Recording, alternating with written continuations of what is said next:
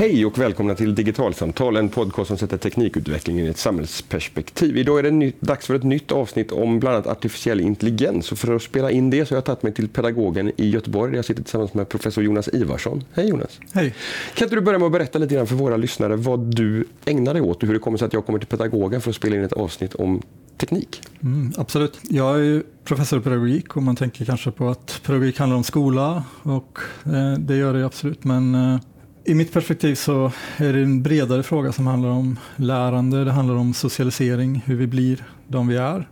Eh, och mitt intresse rör mer avancerade former av kunskap och kanske de, sånt som vi utvecklar senare i livet. Till det här så är jag också intresserad av teknologi, nya former av teknik och hur det förändrar villkoren för, för arbete, för vår, hur vi utvecklar kunskap. Eh, så min forskning har rört ganska mycket den, den typen av eh, tematik under, eh, under ganska lång tid nu. Mm.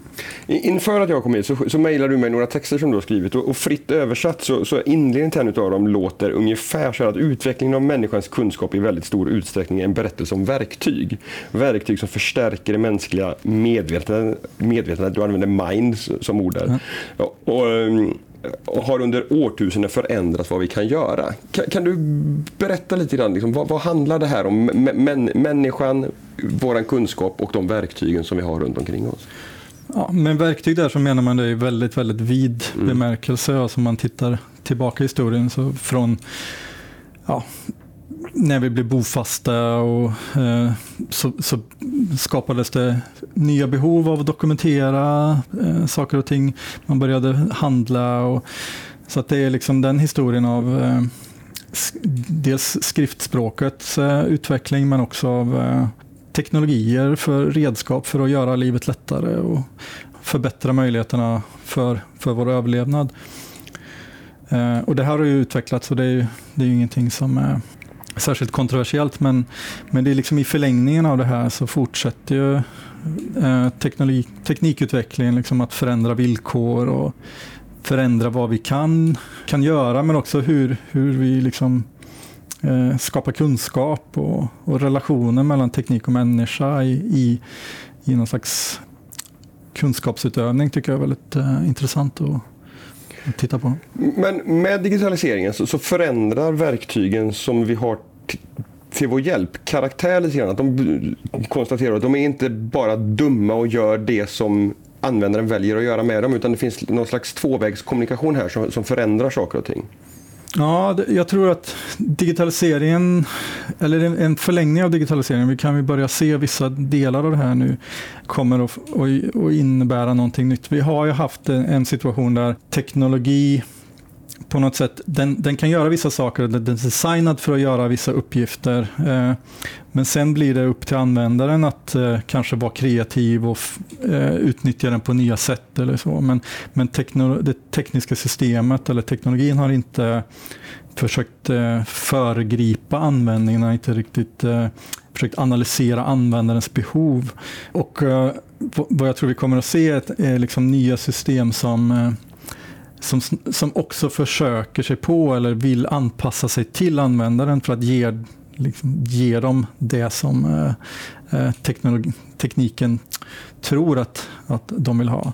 Så adaptiva system pratar man om till exempel. Att, eh, och jag tror att det här det kommer att bli en... Eh, vi får en ny typ av relation. Vi kan inte bara lära oss att använda tekniken utan vissa saker kommer att ske under ytan på ett eh, på ett sätt som eh, jag vet inte om vi riktigt är förberedda för det. det... Under vilken yta då tänker du? Alltså jag använde ett exempel i en, av de texterna med eh, att man har en eh, en, en borrmaskin till exempel så är ju den väldigt, jag kan göra helt andra saker med den jag kan ju, än, än vad jag skulle klara utan. Då. Men jag måste ändå lära mig så här, vilka, borr ska jag använda för att jobba i det här materialet. Och det, det blir en slags eh, relation där jag behärskar teknologin och får lära mig att använda den. Och, och, och när jag har gjort det så får jag, liksom, då kan jag göra ett kraftfullare, jag kan utföra nya uppgifter. Men, men om om vi har en typ av teknologi som inte bara gör det den är designad för att göra, utan också analyserar mig och, och, analyserar mitt beteende eh, och sen anpassar sin, sin, eh, sina egenskaper beroende på hur, eh, hur, hur den här analysen faller ut. Då, då, då, förändras relationen en del mellan vad är det jag eh, eh, min, agentskap i relation till teknologin. Då. Så det, och det är inte säkert, jag menar, den analysen kan ju presenteras för användaren på ett sätt så att jag tror att det är det här du vill åstadkomma. Eh, men det skulle också kunna vara så att den bara presenterar ett innehåll eh, och utan att säga varför varför den har valt ut just det. Men, men, men då låter det som att vi närmar oss en diskussion som jag, som jag har varit inne i tidigare intervjuer som jag har gjort, inte i podden men i andra sammanhang, där, som, som bland annat handlar om hur, hur beslutsstödssystem i vården till exempel ska presentera vad de kommer fram till. Ska, ska det vara liksom ett, ett, ett, ett förslag på en diagnospunkt eller ska det vara liksom ett resonemang bakom och så vidare? Är, är det liksom ja. de här frågorna? Som... Ja, det är en del av det. särskilt inom vården så är det, och man pratar AI-system och så, så är det det som man kallar för explainable AI. Som, det, är ju en stor debatt där nu. Hur ska det se ut och vad ska man bygga? Eh, hur ska resultat presenteras? Men där tror jag det handlar väldigt mycket om också någon typ av eh, krav på att eh, man måste kunna förklara ett, ett sådant medicinskt beslut och det ska kunna motiveras. Någon ska stå bakom en diagnos, någon ska kunna skriva under på det. Så på ett sätt så tror jag att vården kommer kanske vara den sektorn som kommer driva de här frågorna ganska mycket. Eh, men det är inte säkert att i alla situationer att det här kommer att vara ett lika stort krav.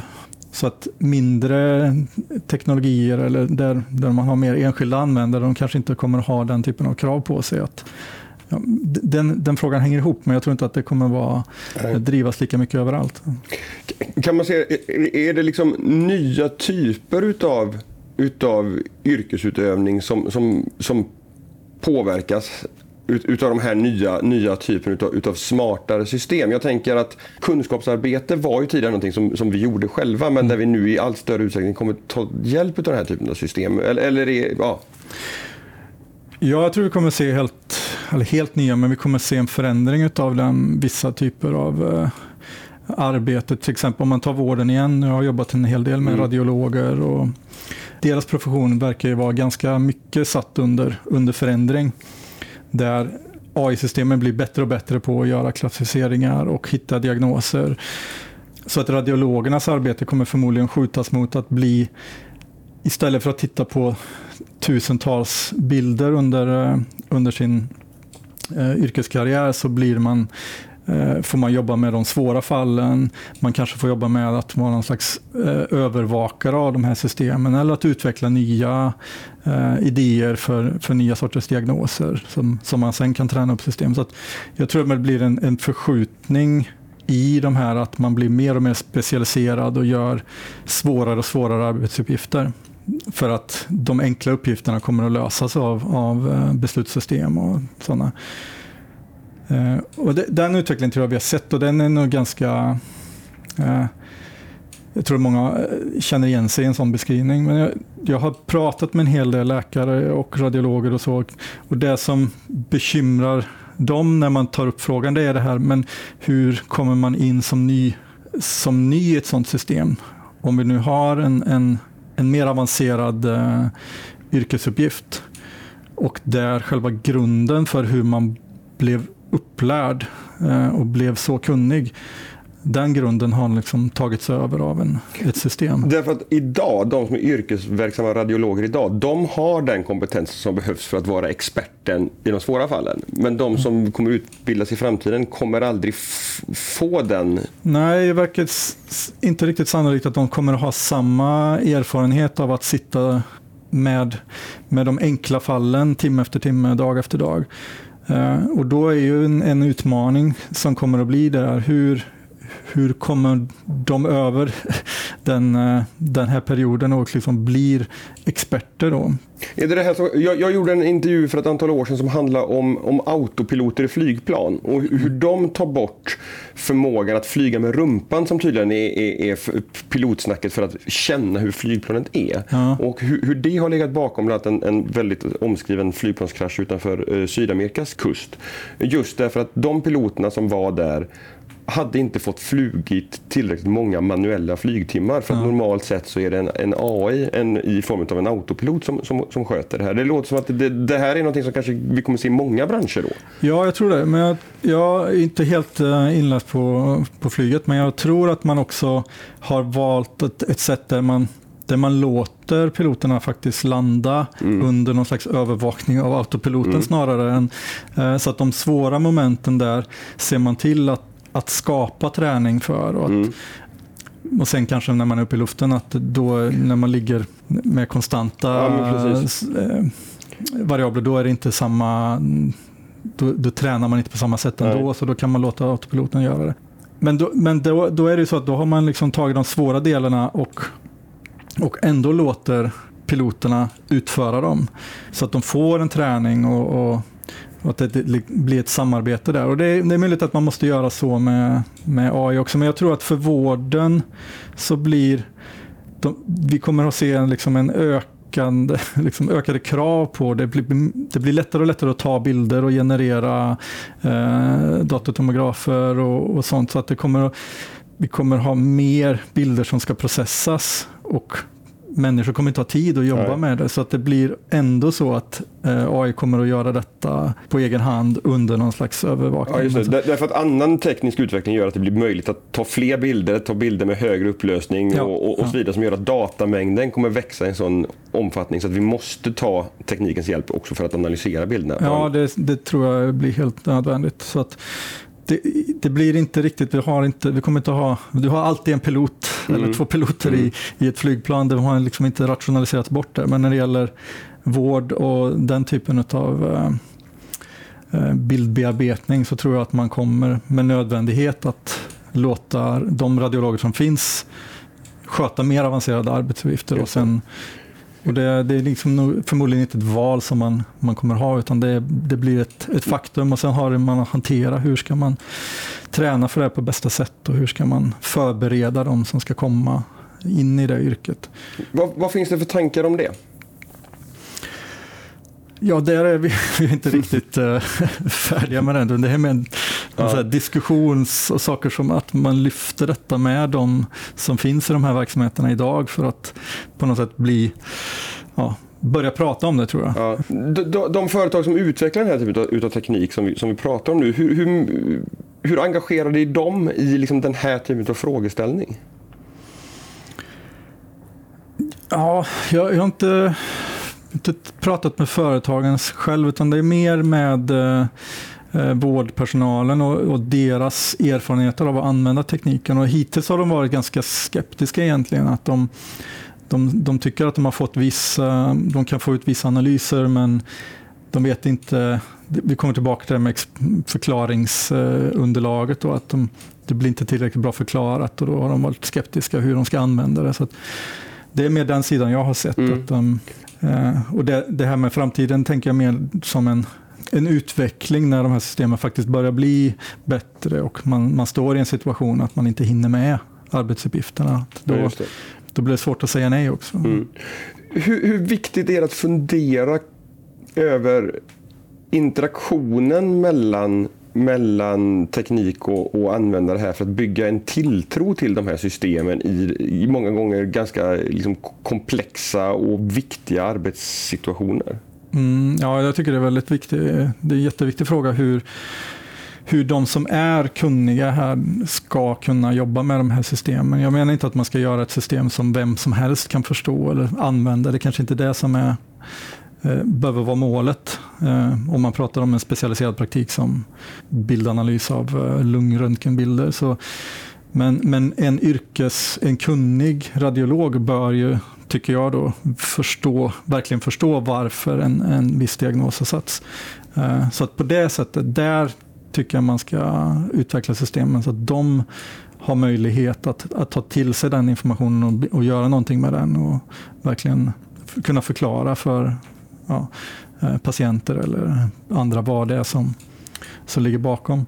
Så, Så att det finns ju olika gränser för hur, hur väl behöver de här systemen kommunicera. Men att eh, om man inkluderar den yrkeskompetensen som vi har här, där, för dem tycker jag absolut. Ja, just det. Så, att, så att du, du behöver inte ha ett, ett ett IT-system som, som kan tolka mm, eh, radiologiska bilder från mig behöver inte kommuna, kunna kommunicera med mig, men de bör kunna kommunicera med min läkare på ett sätt så att han i sin eller hon kan, kan förklara för mig vad, vad det här handlar om. Ja, i alla fall, i alla fall ett första läge. Sen om, om man på sikt tycker att det vore bra att vi kan själva få diagnoser ställa av de här systemen så att vi kan förstå dem. Det, det är möjligt att det är, men jag är inte säker på att det är en helt eh, den, den bästa idén. För att väldigt mycket av just radiologi handlar också om att dra en gräns mellan vad som, där man ser att det finns någonting men att inte väcka Liksom att lyfta fram det utan säga att förmodligen kommer det inte att utvecklas med någonting. Så att de som yrkesgrupp måste hela tiden balansera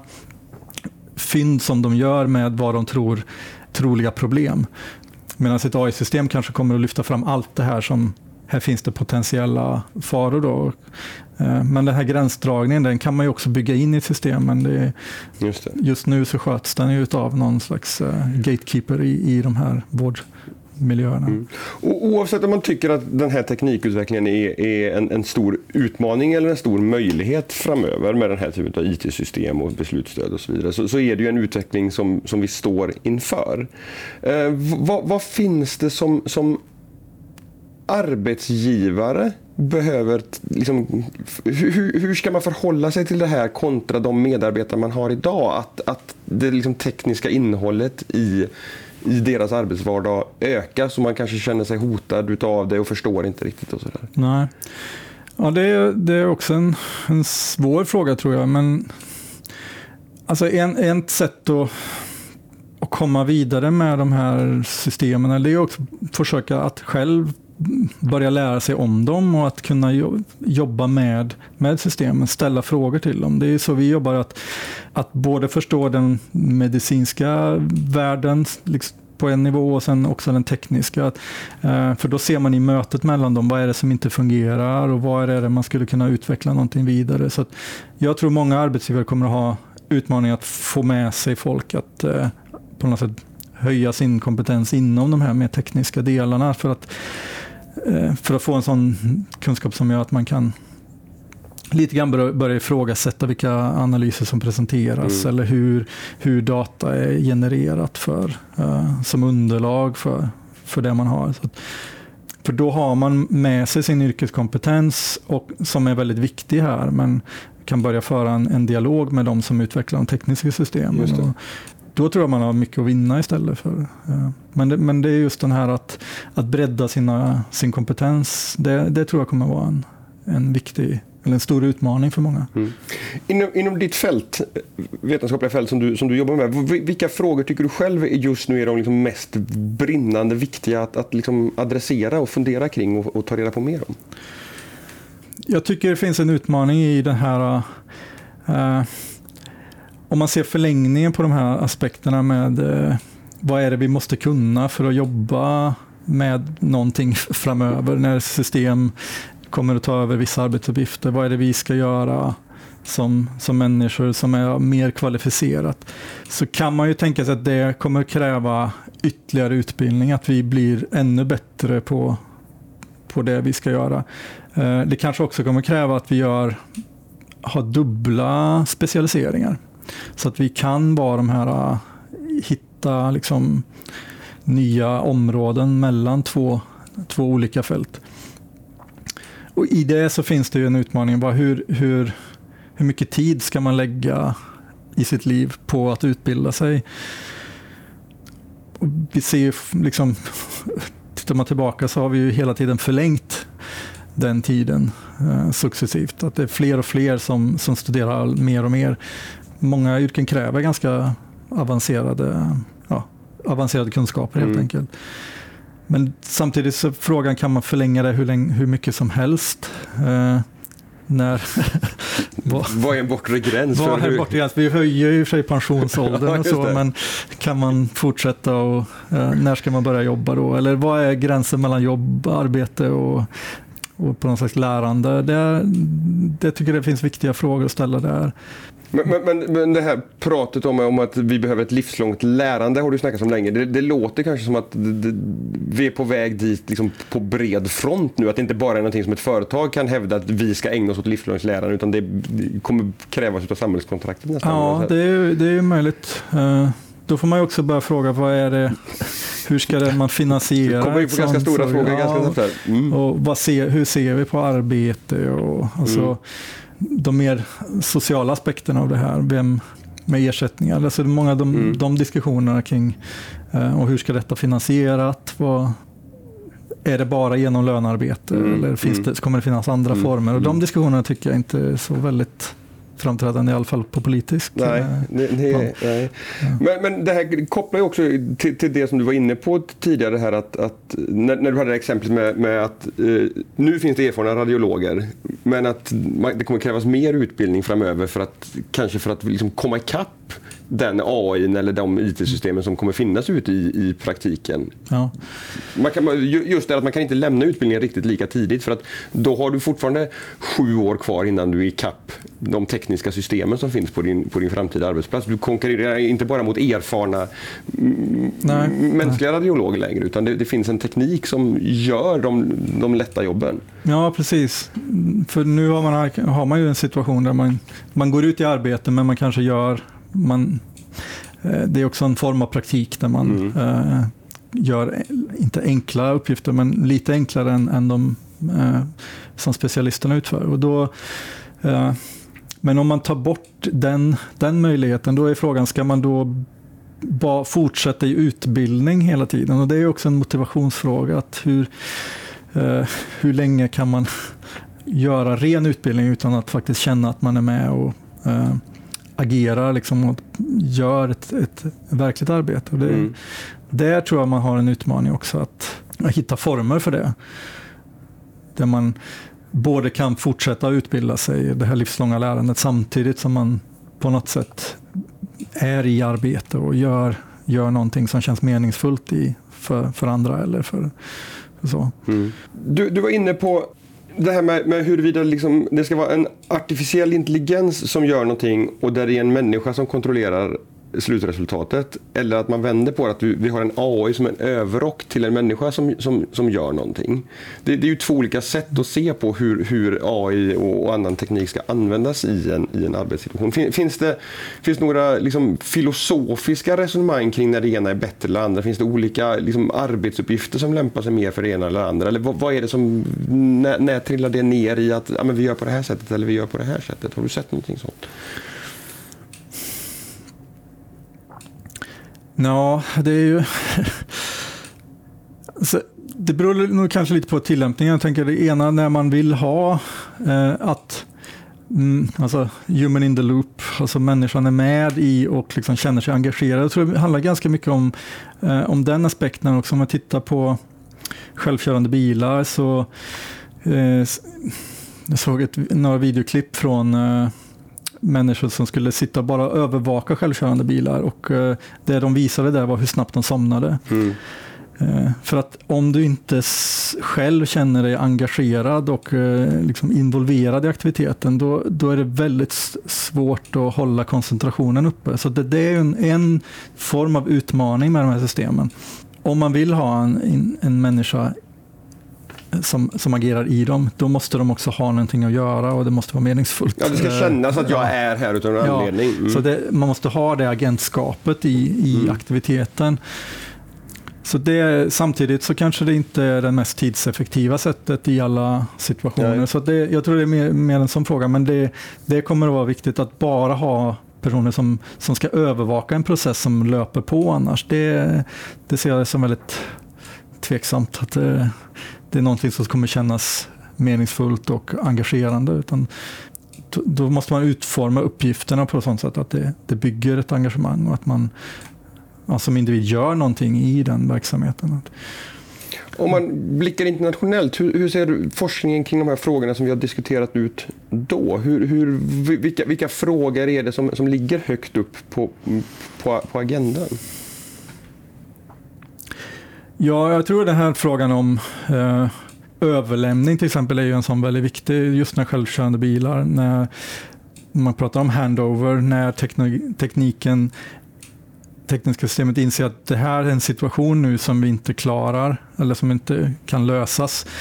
Eh, föraren, individen, måste ta över. Just nu så verkar det vara ett stort problem för, för, för industrin liksom att, att hitta tillräckligt lång tid för att man ska kunna väcka en halv, eh, halvsovande förare på några sekunder så att de förstår och skapar sig en, liksom en, en situationsmedvetenhet så att de kan ta över. Uh, just nu så verkar de bli snarare skräckslagna av att, uh, att det piper till och att de, bilen säger att nu måste du. Mm.